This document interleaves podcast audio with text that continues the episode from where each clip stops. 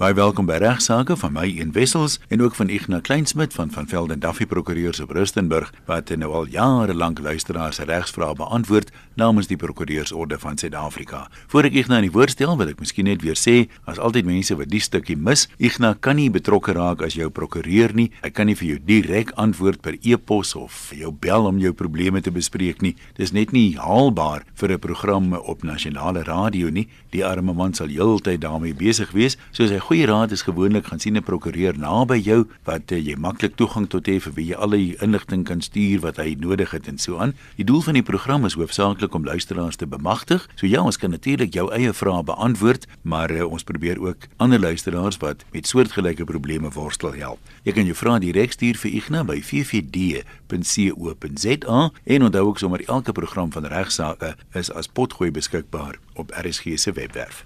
Dankie Ian, goeiemôre luisteraars. Dankie ook dat jy ingeskakel is. Dit is 'n voorreg om met julle te kan gesels. Die eerste aspek uh, wat ons gaan hanteer is 'n briefie wat ek gekry het, sê is Nick Rautenbach. Uh, hy sê my skoonma het tot sterwe gekom terwyl my skoonpa slegs R300 in sy bankrekening gehad het. Sy en my skoonpa was getroud binne gemeenskap van goedere, maar hy is reeds die wettige eienaar van al die eiendom met alles op sy naam. Tog was die regmatige 3,5% eksekuteursfooi bereken op die volle eiendomswaarde as boedel in plaas van slegs die helfte wat sogenaamd vererf want dit is binne gemeenskap van goed getroud. Hy erf mos nie en die volle eiendom behoort mos nie aan hom nie en daarom behoort slegs die helfte van hulle gesamentlike boedel as boedel aangeteken te word. Ja, en alle fooie op grond daarvan bereken te word of is ek nou verkeerd? Indien dit nog altyd die gebruikelike norm was, dan behoort dit hersien te word. Hulle het nog altyd gespaar tot hulle kontant kon betaal vir alles wat hulle gekoop het. Nie eers die jare oue huis of kar is daar skuld op nie. Jy moet 'n relatief arm ou man van 87 nou skielik 3.5% opdok op die totale boedel vir eiendom wat reeds aan hom behoort net omdat sy vrou tot sterwe gekom het. Ek voel net vir my asof daar te veel vraatsige loopholes in die samelewing ingebou is. Uh my vrou en skoonpa oorweeg om by die meeste van hulle aansoek in te dien en ek eerder as eksekuteur aangestel word. Probeer om alles self aan dan af te handel om so die kostes te spaar. Soos ek sê, die huis het reeds op sy naam as hulle van as hulp van 'n prokureur benodig word, sal dit waarskynlik dan tot 'n mindere mate wees en kan 'n klomp geld gespaar word. Dan vra hy ons mening hieroor. Ek het uh, soos normaalweg vir Volker Kreer, die boedelspesialis aan Rustenburg, uh hieroor gevra. Hy sê waar gades getroud is binne gemeenskap van goedere, is daar een gemeenskaplike boedel wat uit albei gade se bates en laste bestaan. En waar een van hulle te sterwe kom, val al die bates en laste dan ook in die bestorwe boedel. Dis waar teen die luisteraar beswaar maak. Hy sê om die boedel te bereder, moet al die bates dus gewaardeer word onder andere en in die likwidasie en distribusierekening vermeld word wat vir die meester gestuur word. Die voorgeskrewe eksekuteursvergoeding word dan ook op die totale waarde van die gemeenskaplike boedel bereken wanneer die totale boedel word bereder. Dit antwoord die eerste vraag van die luisteraar. Dis juist een van die nadele van die huwelik binne gemeenskap van goedere. Ons adviseer dus ons kliënte baie gereeld om liewers buite gemeenskap van goedere te trou. By huwelik buite gemeenskap van goedere val slegs die bates van die oorlede gade in die bestorwe boedel. Die proses om die boedel te bereder is dit eenvoudiger en goedkoper. Nog 'n voordeel van huwelik buite gemeenskap van goedere is terloops ter sprake in die geval van insolventie, waar die partye getroud binne gemeenskap van goedere is, is al die bates van die gades op risiko in die geval van insolventie. Die gesamentlike boedel word met ander woorde insolvent verklaar en albei gades verloor alles. In die geval van huwelik buite gemeenskap van goedere sal slegs die bates van die insolvente gade in die insolvente boedel val en as die bates van die ander insolvente gade is algemeen reël veilig, kan dit deur skuldeisers geneem word nie. Hou dit gerus in gedagte as jy van plan is om te trou of 'n kind of 'n vriend of wie ook al het wat gaan trou. Enige iemand wat trou moet dus eerder sy of haar prokureur raadpleeg om 'n behoorlike huwelikskontrak te laat opstel. Die prokureur moet ook 'n notaris wees. Ja, is net notarisse wat HVK's kan opstel waar mense reeds getroud is binne gemeenskap van goedere. Dis belangrik vir mense wat nou wonder o, gits, wat nou van my? Ek sit in dieselfde bootjie. Is daar wel 'n opsie om met 'n hoogreis of aansoek die huweliksgoedere bedeling te wysig? Dit gaan egter met reskoste gepaard. Hy sê nou nie hoeveel ek nou nou iets daaroor sê, maar die vervanging van die eksekuteur aanbetref, waarna die luisteraar verwys, net die volgende. Verder kan sien is die berekening van die vergoeding deur die eksekuteur korrek. Dit gaan dus uh volgens hom nie grond wees om die eksekuteur deur die meester te laat onthef nie. Ek glo dis nie dat uh, hulle gaan ver kom met hulle besware by die meester. Hulle is ongelukkig ander goeie gronde moet hê om die eksekuteur verwyder te kry behalwe as die eksekuteur natuurlik bereid is om op hulle versoek te bedank. Nou wat betref die aansoek wat hy gemeld het na die Hooggeregshof om jou huweliksbedeling te verander, in die meeste gevalle is dit om te verander van binne gemeenskap van goed na buite gemeenskap van goed. Uh slaagbees nogal redelik geredelik met hierdie aansoek. Uh die grootste probleem is egter dat jy moet kan bewys dat daar geen skuldeisers benadeel word nie. Aan die ander woorde as ek 'n klomp skuld het en, en ons is getroud binne gemeenskap van goedere, nou gaan ek buite gemeenskap van goed. Nou sê ek vat al die bates, my vrou kry niks. Sal dit nou duidelik geval wees dat die vrou het 'n klomp skuldeisers en nou gaan hulle niks hê om uh, teen haar op te tree wat bates betref nie. So die hof kyk baie mooi daarna. Jy moet kennis gee aan al jou skuldeisers dat hulle ook kennis daarvan neem dat jy van voorneme is om jou huweliksbedeling te verander sodat hulle hulle risiko's kan oorweeg of hulle of hulle sekuriteite nog behoorlik in plek is. Uh, Afgesien daarvan moet jy die hof oortuig daarvan en daar goeie redes is. En dikwels sal goeie redes wees dat van een van die partye in die besigheid betrokke is dat daar sekere besigheidsrisiko's voorsien word ensovoorts. Ek het ook al gevalle gesien waar die hof wel uh sê dat dit vir ons belangrik is om liewers buitegemeenskap goed vertrou te wees want Uh ons wil graag koste spaar van 'n moontlike insolventie. Ons wil nie probleme hê by afsterwe nie. Uh ons wil ons eie sake hanteer. Uh ons wil ons eie besigheid doen. Uh die vrou wil dalk 'n besigheid begin of die man en gewoonlik sal die hof as daar geen ander nadele is nie, nie onwillig wees om uh, mooi te kyk of jou aansoek nie goedgekeur moet word nie. Ons kan nog een inpas hier in die eerste helfte. Na aanleiding van 'n luisteraar se vraag rakende strafregtelike laster en meer spesifiek die publikasie element daarvan, ek het die briefie ongelukkig nou nie hier nie sien ek. Het ek vir Hein Papenfozabe van Velden Duffy 'n jong en 'n baie ingeligte prokureur gevra om vir 'n bietjie vir my te help hiermee en hy het vir my die volgende meegedeel. Hy sê 'n algemene vorm van strafregtelike laster deesdae is waar 'n persoon lastelike aantuigings van 'n ander persoon op openbare Facebook-blad byvoorbeeld publiseer. Eerstens moet daar onderskei word tussen die twee misdade krim en injuria en strafregtelike laster. Daar's 'n verskil tussen die twee. Terwyl die twee misdade mekaar mag oorvleuel in sommige gevalle, het krim en injuria hoofsaaklik te maak met opsetlike skending van 'n persoon se waardigheid. Waar strafregtelike laster meer te maak het met die opsetlike skending van 'n persoon se aansien of goeie naam in die samelewing, sy fama. Nie sy dignitas nie, sy fama in hierdie geval. Krim en injuria behels dus gewoonlik 'n lasterlike aantuigings teenoor 'n persoon direk wat nie ook deur derdes aangehoor word nie. En weet jy sê vir my hierso ek en jy nou beklei en ek ja, noem jou 'n skelm en jy's 'n skelm en ensovoorts en net ek hier sit in die ateljee uh in die die gelukkig is die, is die radio nie aan nie. Dan sal dit as die radio aan was dan word dit natuurlik nou ja. Laster as die radio nie aan is is 'n kriminenuria. So strafregtelike laster behels die persoon se aansien in die samelewing verlaag. Dis word lastelike aanlegging aantuigings teen 'n persoon aan derdes gemaak. Dis die publikasie gedeelte daarvan. Die elemente van laster is dan strafregtelike laster, publikasie eerstens van lasterlike aantuigings wederregtelik en opsetlik. Publikasie vereiste van die misdaad behels dat daardie aantuigings deur 'n derde persoon gehoor moes word. Een of meer persone, net een is genoeg, gehoor moes word en uh dat daardie aantuigings moes daai persoon minder vir my laat dink het. Daai persoon my aansien en daardie persoon se estimasie het gedaal. Ek het dit nou nie van Ignas verwag ja, nie. Ja, dis reg. Ja. nou as die laster wat jou aantuigings soos ek reeds gesê het slegs tot my gerig was, kan dit hoogstens kermin en Julia wees. Die volgende vraag wat die luisteraar vra is: Wat maak hierdie woorde dan nou lasterlik? Nou woorde is slegs lasterlik as dit die goeie naam van iemand anders ken. Dis met die woorde die vermoë hê om die agting wat hierdie persoon dan nou in die samelewing geniet te verminder en dit moet gewoonlik normaalweg, nie altyd nie, 'n leuen wees. Gewone vulgêre skeltaal byvoorbeeld. Hierdie gewone lekker kroegbekleierery, jy weet, ek sê vir jou dit, jy sê vir dat ons 'n paar drankies en skel mekaar lekker uit. Het gewoonlik nie die vermoë om iemand se aansien te verlaag nie. Uh en dis alweer die ou wat die woorde uiter. dis reg ja. Dis sal gewoonlik nie laster daar instel nie. Dit kan wel in sommige gevalle kriminenuria wees as dit my persoonlik diep geraak het, dan kan ook sekere regverdigingsgronde wees waarvolgens 'n persoon toegelaat word om hierdie beweringe te publiseer en te bekend te maak en die die volgende en mees bekende regverdigingsgronde vir dit laster is waar die beweringe die waarheid is en belangrik nie of nie en openbare belang is. So die waarheid kan wel laster wees as dit nie in openbare belang is nie. Korrek. Dan dis geen rede om te kom sê dat hoorie ek het gisterand met 3 prostituie geslaap nie kom sê dit sê wat net om my te beledig en net om my aansien want dis nie openbare belang dat mense dit hoef te weet nie. Die tweede dit as dit dit as dit ook is dit beweringe op billike kommentaar neerkom. Dit baie in journalistiek gesê het. Ek het billike kommentaar gelewer op dit wat ek gehoor het. Ek het dit gemeld en toe billike kommentaar gelewer en natuurlik uh, die een regverdigingsgrond is dat die beweer dat die beweringe geprivilegeerd was. Goed. Nou luisteraars, as jy dalk iets wil sê, wat moontlik lasterlik is, wat ek iemand aanraai om uh, eers 'n prokureur dit te laat proeflees en seker te maak dat hulle nie blootgestel word aan vervolging nie.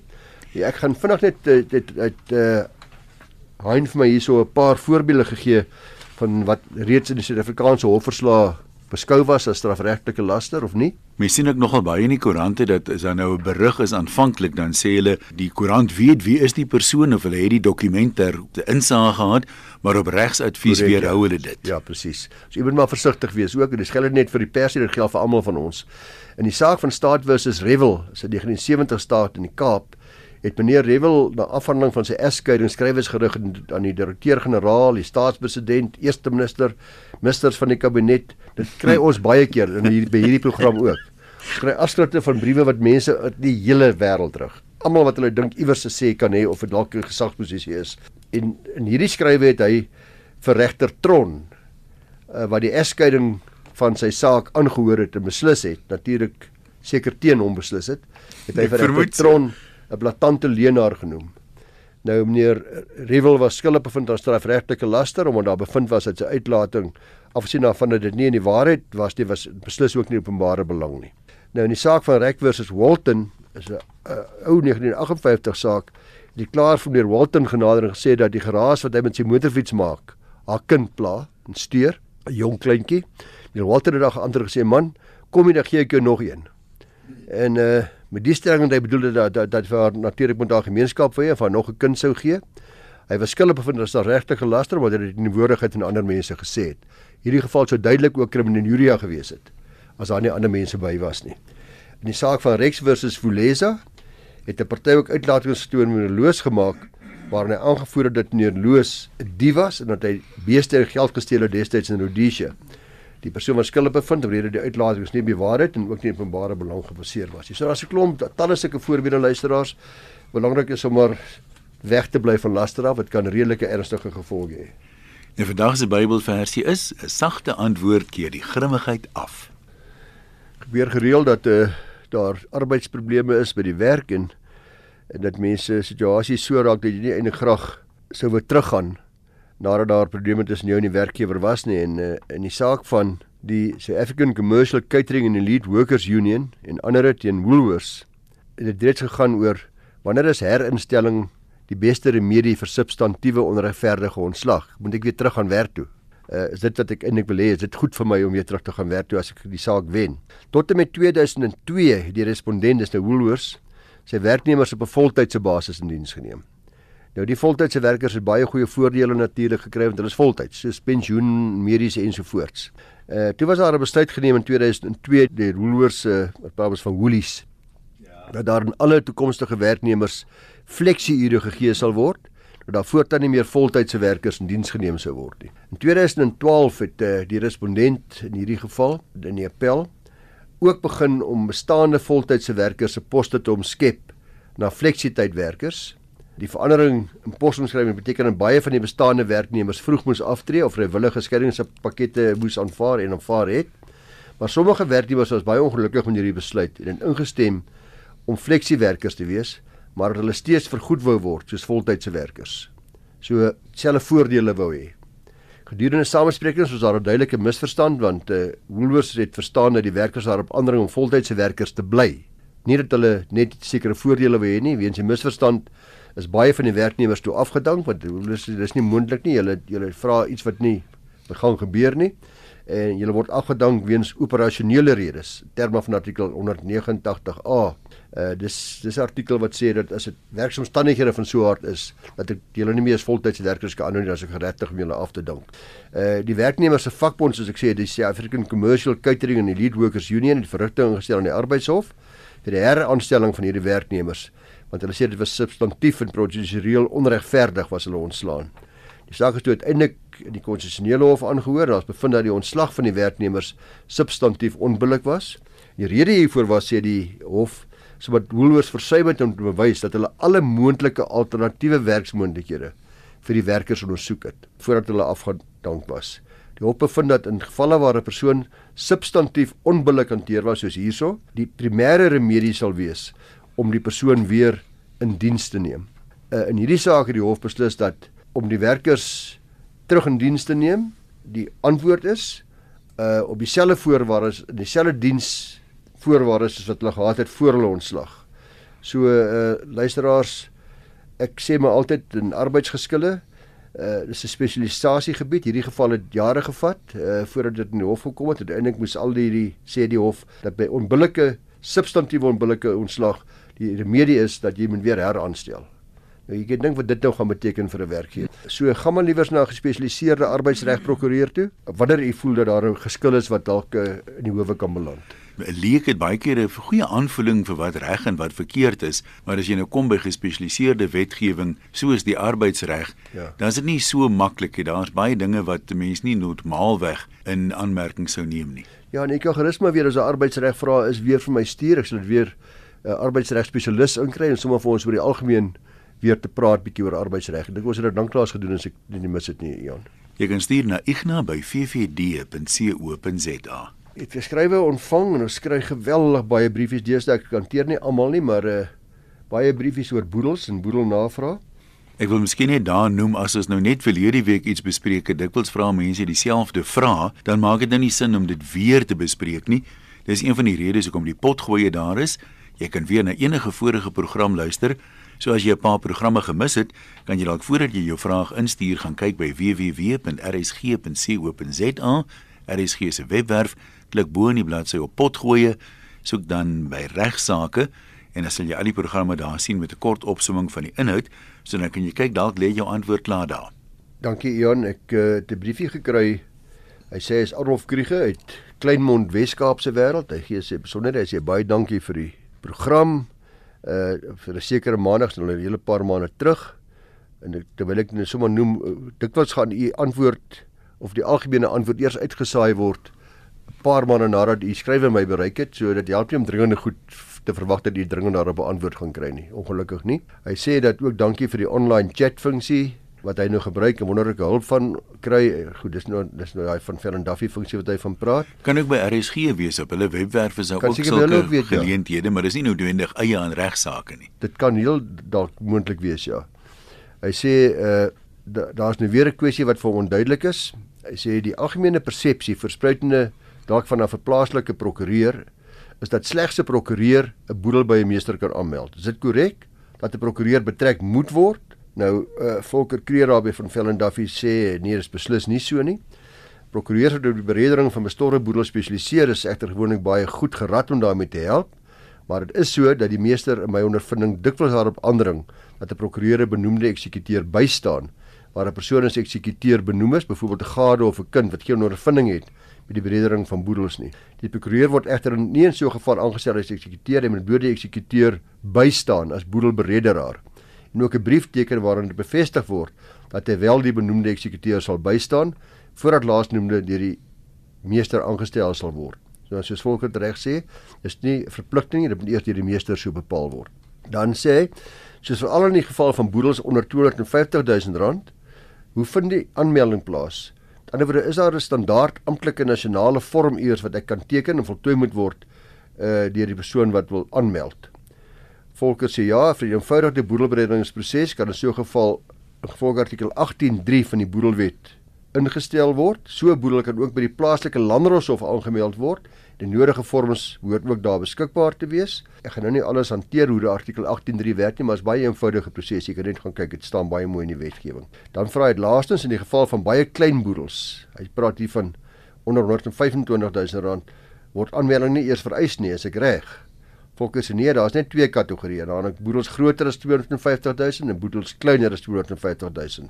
So alle boedels kleiner as 250 000 moet ook aangemeld word, maar die eenvoudige proses kan gevolg word om hulle te bereder, maar die aanmelding is vir alle boedels nodig. As jy iets kort het, Ignas, kan ons daarmee afsluit? Goed. Iewers in Augustus luisteraars en ek kan nou nie die my vinger daarop lê nie, is daar 'n konsep wetgewing gepubliseer, naamlik die 2019 nasionale kwalifikasies raamwerk wysigingswet. Die wet is nog nie in werking sover ek weet nie, maar dit sal die Suid-Afrikaanse kwalifikasie gesag, hulle noem praat van hulle self SAQA, S A Q A, magtig om alle kwalifikasies te verifieer in 'n poging om die integriteit van Suid-Afrika se naskoolse opleiding en ons opvoedingsstelsel te beskerm. Nou hier's 'n belangrike aspek want ons weet hoeveel mense die deesdae kry wat wat bedrieglike kwalifikasies aangee wanneer hulle aansoek doen vir werk.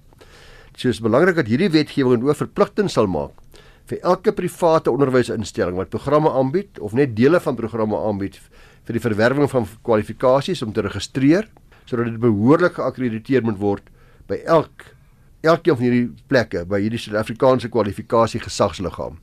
Dis regtig hartseer en ek dink ag jy ons almal weet dit wat luister en ek skokkend om te sien hoeveel van ons jong mense rondloop met talle sertifikate en diplomas en ek weet nie wat alles jy wat hulle verwerf het by allerlei opvoedkundige instellings met die snaakste name en plekke dat dit blyk dikwels dat dit vir die werkgewers van bitter min waarde is dikwels blyk dit ook dat hierdie dit afkomstig is en uitgereik is deur sogenaamde opvoedkundige instellings wat nie behoorlik geakkrediteer of geregistreer is nie wat baie jammer is. Maar jy praat nou daarvan ek meen die skoolopleiding op sigself is nie veel werd nie. Ja.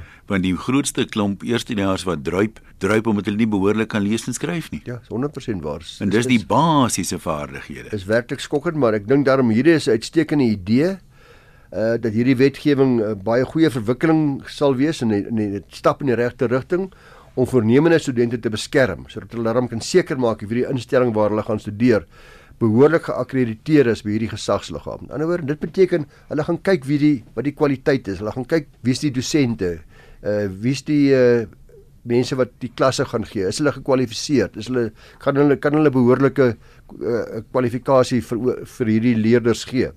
Onder andere maak dit voorsiening vir die daarstelling van die instandhouding van aparte registers vir bedrieglike kwalifikasies. Aan die ander woorde, al hierdie mense wat so lieg en bedrieg van hulle hulle word nou op 'n register aangetoon waar jy kan gaan kyk wie's hierdie mense en selfe geld ook vir enige instellings waar wanvoorstellings gemaak is of wat nie behoorlike kwalifikasies gee nie en nie behoorlike standaarde handhaaf nie. Strawwe word ook voorsien in hierdie konsep wetgewing vir die gee van vals inligting en uh, luisteraars actually pers dophou en vir julle wat weet wanneer hierdie wet inderdaad in werking tree. En onthou maar dan die Google is jou grootste vriendin in hierdie opsig. As jy oorweeg om iewers 'n kursus te doen, jy kan net daai naam intik en jy kry gewoonlik baie gou-gou mense wat kla daaroor wat sê ek is ingeloop, bly weg hier of goeie resultate wat sê ja, dit het vir my baie beteken. En ek meen dikwels is daar ook 'n knoppie waar jy kan vir jou vrae vra, jy weet. Daar's of 'n deel met die mees algemene vrae, die frequently asked questions of jy kan sê is hierdie kursus iewers geakkrediteer jy kan kyk na alternatiewe en so aan so dit beteken nie daar's noodwendig iets verkeerd mee nie dikwels is hierdie spesialis kursusse juis wat jy nodig het vir 'n spesialis werk eerder as 'n basiese BCom graad. Maar is soos maar moet alles gaan met 'n mens maar behoorlik eers dit ondersoek voordat jy enige geld inbetaal of enige plek teken. Ek gaan nou sê vir jou baie dankie dis alwaar ons gaan tyd hê vandag en ons praat volgende maandag weer in regsaake Onthou elke program is as potgooi beskikbaar op www.rsg.co.za. Mooi loop.